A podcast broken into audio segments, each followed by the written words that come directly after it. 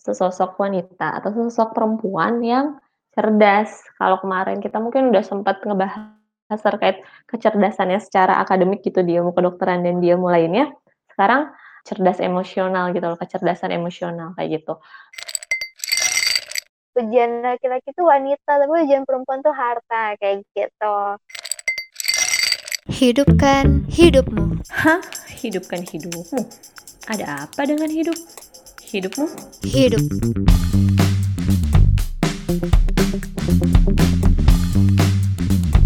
Nah, lanjut nih ke uh, sebenarnya Aisyah nih orangnya kayak gimana sih atau sifat apa lagi sih yang bisa kita teladani dari sesosok Aisyah ini. Nah, Aisyah bin A, A binti Abu Bakar tuh ternyata orangnya gemar bersedekah.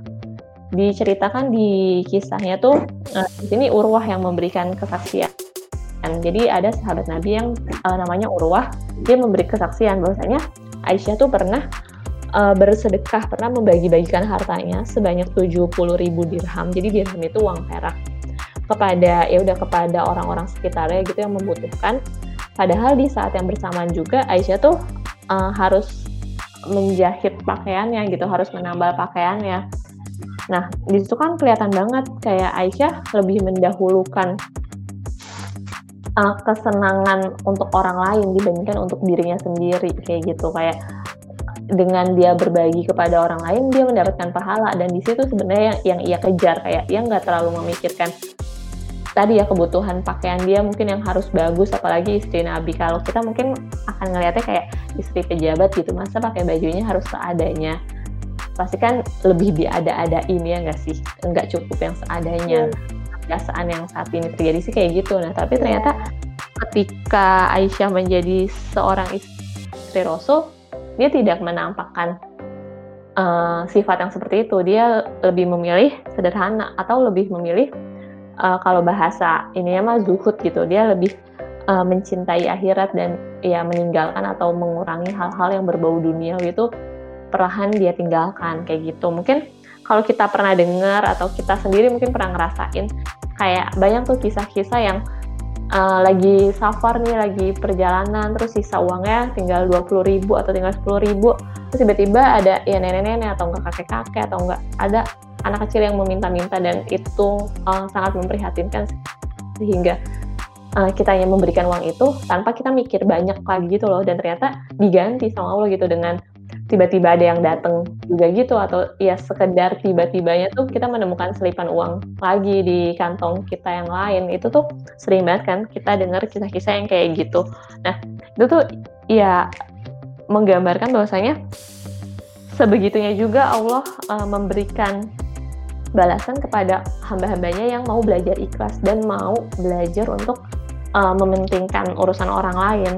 Ya dalam artian mah kayak meninggalkan dunia dulu untuk mengejar akhirat. Nah, di situ Allah tetap membersamai, nggak melepaskan kayak ya udah ntar dia habis sedekah jadi miskin. Itu tuh nggak kayak gitu. Sama Allah tuh dibersamai sehingga yang tadi dia sedekahkan ya dikembalikan bahkan lebih sama aja sih kayak yang mm, dibilang ketika kita memberikan uh, sedekah satu sedekah maka akan uh, uh, berbunga tuh atau berbuah menjadi tujuh kebaikan kayak gitu itu konsepnya tuh sebenarnya kayak gitu nah uh, kalau Aisyah sendiri tuh sebenarnya juga dilatih sama Rasul jadi waktu itu di zaman Aisyah hidup bersama Rasul Aisyah tuh kan hidupnya sederhana ya, udah digambarin kesederhanaannya tadi, terus ternyata Rasulnya hmm. juga emang yang membawa kesederhanaan itu. Itu tuh bisa kita lihat dari uh, keadaan kasurnya karena dikisahkan kasurnya Rasulullah itu hanya selembar kain yang dilipat. Nah, waktu itu ada nih seorang wanita Ansor datang silaturahmi ke rumahnya uh, mereka berdua. Nah, waktu itu Rasulullah lagi nggak ada, adanya Aisyah dan wanita Ansor ini melihat ada kain yang dilipat. Nah, Aisyah eh si wanita Ansor ini nanya, "Iya, Aisyah, uh, itu apa?" gitu. Terus ya Aisyahnya jawab dong, "Iya, itu kasurnya Rasul. Itu uh, Rasul kalau tidur di situ kayak gitulah." Terus wanita Ansor itu kayak, "Ah, seorang Rasul tidur di situ kan kalau wanita Ansor ya cukup berada gitu loh keadaan kaum Ansor tuh uh, berada kan nah jadinya wanita Ansor ini merasa kayak masa sih seorang Rasul harus tidurnya kayak gitu dan akhirnya wanita Ansor ini pulang ke rumahnya lagi kemudian datang lagi ke rumahnya Aisyah sambil bawa kasur. Nah, tapi uh, dia diterima dong otomatis diterima dulu. Cuma ketika Rasul balik dari perginya tuh sampai ke rumahnya, Rasul tuh nanya, lo ini apa gitu. Terus ya Aisyahnya yang ngejawab, iya itu tadi kasur dari wanita Ansor. Terus Rasulnya tuh ya ya ada lah perasaan bersyukur pasti ada cuma karena Rasulnya ini tidak mau bergelimang harta di dunia Rasul uh, memerintahkan Aisyah untuk uh, ya Aisyah balikan kasur itu ke wanita Ansor tadi dan Aisyah tuh kayak enggan gitu kayak lo kenapa dibalikin gitu kan. Aku seneng sama kasur itu bagus gitu kan ya. Ya pasti juga enak dong untuk dipakai tidur dan nyaman gitu kenapa? Kenapa sih harus dikasih orang itu dikasihnya secara ikhlas gitu? Cuma Rasulnya pun bilang lagi kembalikan. Nah sampai akhirnya ketiga kalinya Rasul bilang kembalikan, Aisyah baru mengembalikan. Nah di situ tuh terlihat jelas bahwasanya ya Rasul tuh nggak main-main gitu tuh. Ketika bilang kembaliin ya kembaliin. Kayak nggak suka ya nggak suka maksudnya bukan nggak suka ya kayak lebih baik tidak ya lebih baik tidak kayak gitu. Dan Aisyah pun ketika dibilangin tiga kali udah yang ketiga kalinya dia berusaha mengerti. Dan ya udah dia kembalikan sehingga di situ Aisyah semakin belajar lah di saat peristiwa itu dan peristiwa-peristiwa lainnya Aisyah semakin belajar oh ternyata memang kita nih di dunia ya sekedar istirahat aja sekedar berhenti doang gitu loh bukan untuk selamanya kita ada di dunia ini. Nah sehingga Aisyah tuh sangat hausnya tuh terhadap keridhaan Allah sama surganya Allah. Dia nggak mikirin lagi yang lain-lain. Sehingga uh, benar tuh si Urwah uh, si Urwah sahabat Urwah ini menceritakan bahwasanya Aisyah berani sedekah 70 ribu dirham di saat dia juga harus menjahit bajunya. Itu tuh ternyata buah dari pendidikannya Aisyah bersama Rasul waktu itu yang salah satunya tadi suruh ngebalin pemberian wanita Ansor tadi. Kayak gitu, Ra. Jadi ya sosok sosok Aisyah yang suka sedekah ini mungkin bisa kita tiru. Sama juga kalau aku pernah sempat dengar ada hadis uh, kalau nggak salah ya semoga benar kalau salah boleh dikoreksi uh, ada hadis dari dari Imam Bukhari sama Muslim intinya waktu itu tuh eh hadis itu menceritakan tentang keadaan neraka yang mana keadaan neraka itu ternyata lebih banyak dihuninya oleh wanita. Kemudian uh, Rasulullah ditanya ya Rasulullah ya kenapa di situ uh, banyaknya itu wanita? Dan dan Rasul pun menjawabnya uh, dengan dengan anjuran. Rasulullah akhirnya menganjurkan untuk para wanita ini perbanyak sedekah dan perbanyak istighfar kayak gitu. Mungkin hadis di situ juga sih yang bisa kita sama-sama imani sama-sama kita bisa percayai bahwasanya ya emang sedekah itu udah udah dianjurkan apalagi untuk para wanita nih kayak gitu karena udah digambarkan di neraka tuh banyaknya kaum wanita jadi sebisa mungkin kita harus menghindari darinya kayak gitu sih. Yup. Mungkin orang mau dulu kan nih atau ada kisah-kisah lain terkait sedekah atau tadi yang yang neraka neraka itu? Iya, jadi emang ya benar sih kan emang hadis di hadisnya kan uh, banyak diisi sama perempuan ya. Ya sebenarnya iya. emang terus kayak setelah hadis itu disebutkan bahwa kita harus banyak sedekah gitu ya kayak. Ya? Iya benar. Nah, jadi emang kalau menurut aku ya, pandangan aku yang sekilas ini, biasanya yang banyak ngumpulin harta itu kan cewek. Eh, maksudnya gimana ya?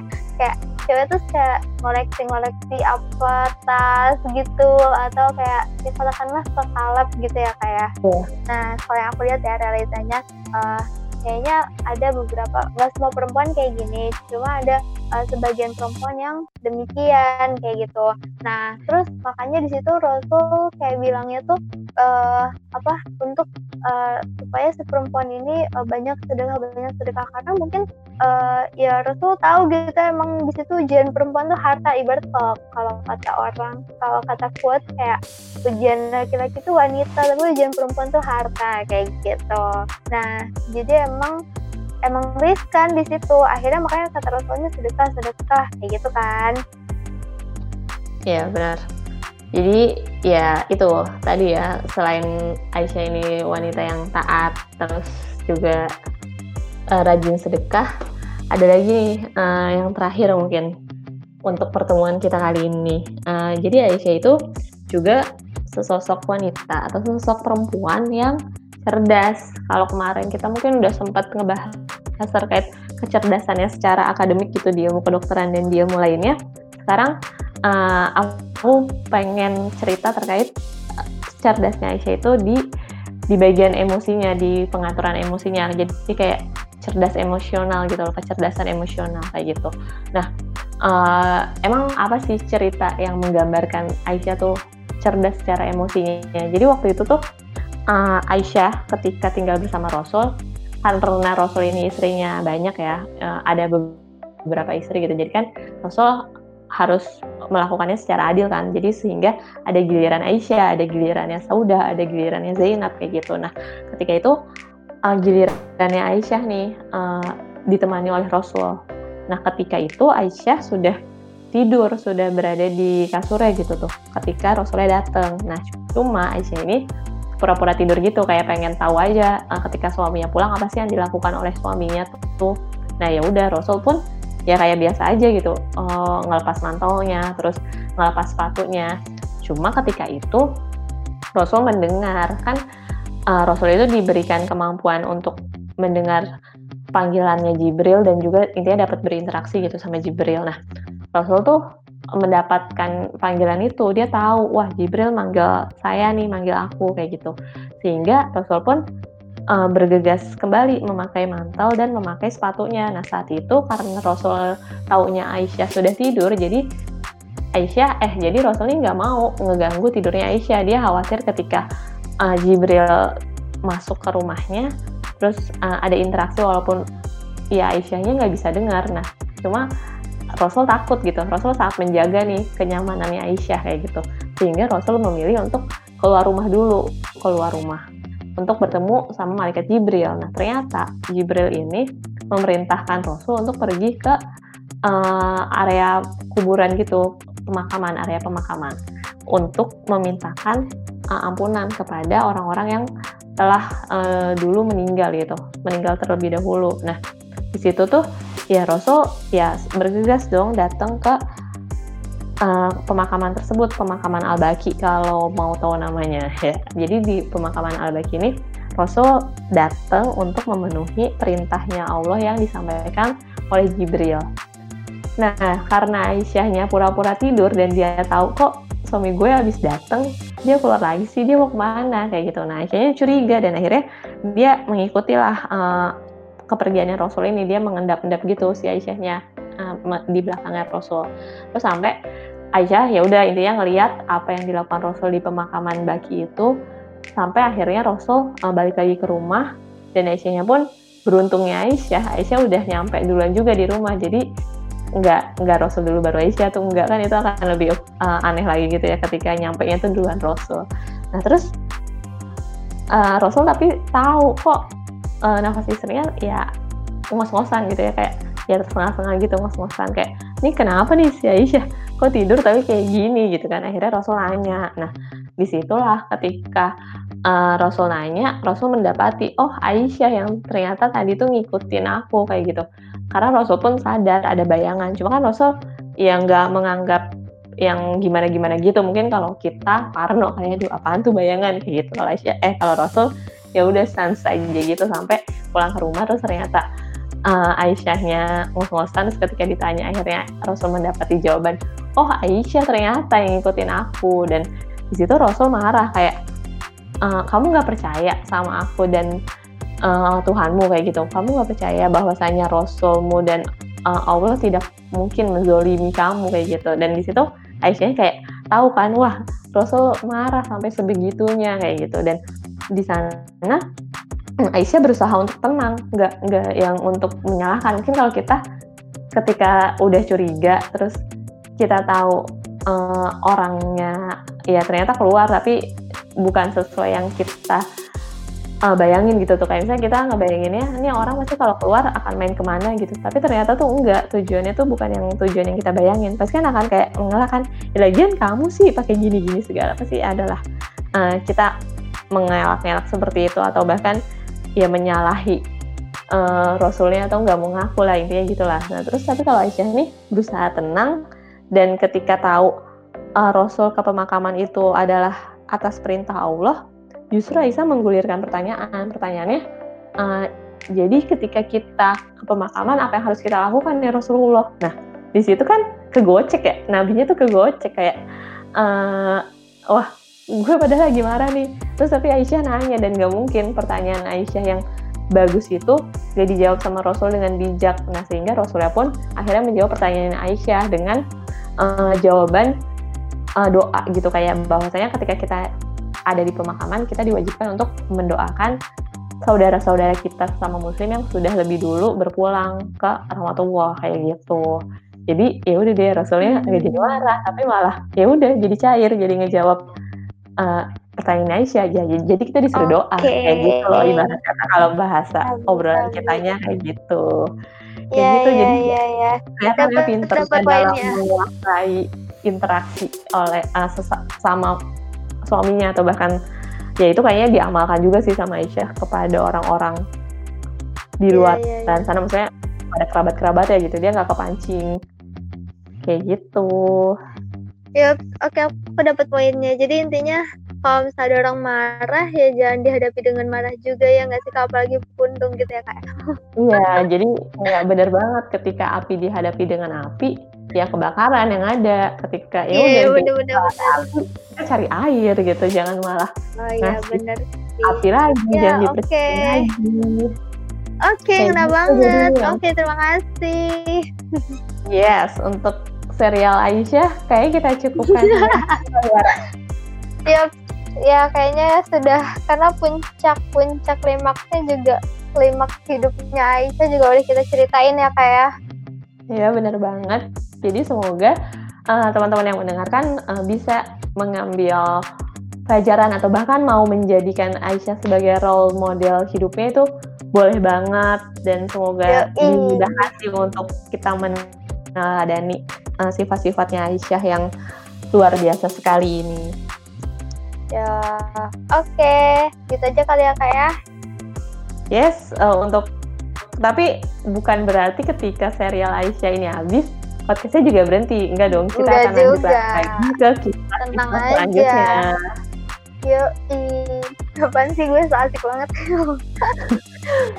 Oke, okay, jadi sekian dulu untuk podcast pekan ini. Uh, kita selesai di pembahasan Aisyah, tapi kita akan lanjut lagi ke kisah-kisah selanjutnya. Uh, kisahnya kisah siapa? Stay tune aja di sini. Oke, okay, ya, see you. Wassalamualaikum warahmatullahi wabarakatuh. Hidupkan hidupmu. Hah? Hidupkan hidupmu? Ada apa dengan hidup? Hidupmu? Hidup.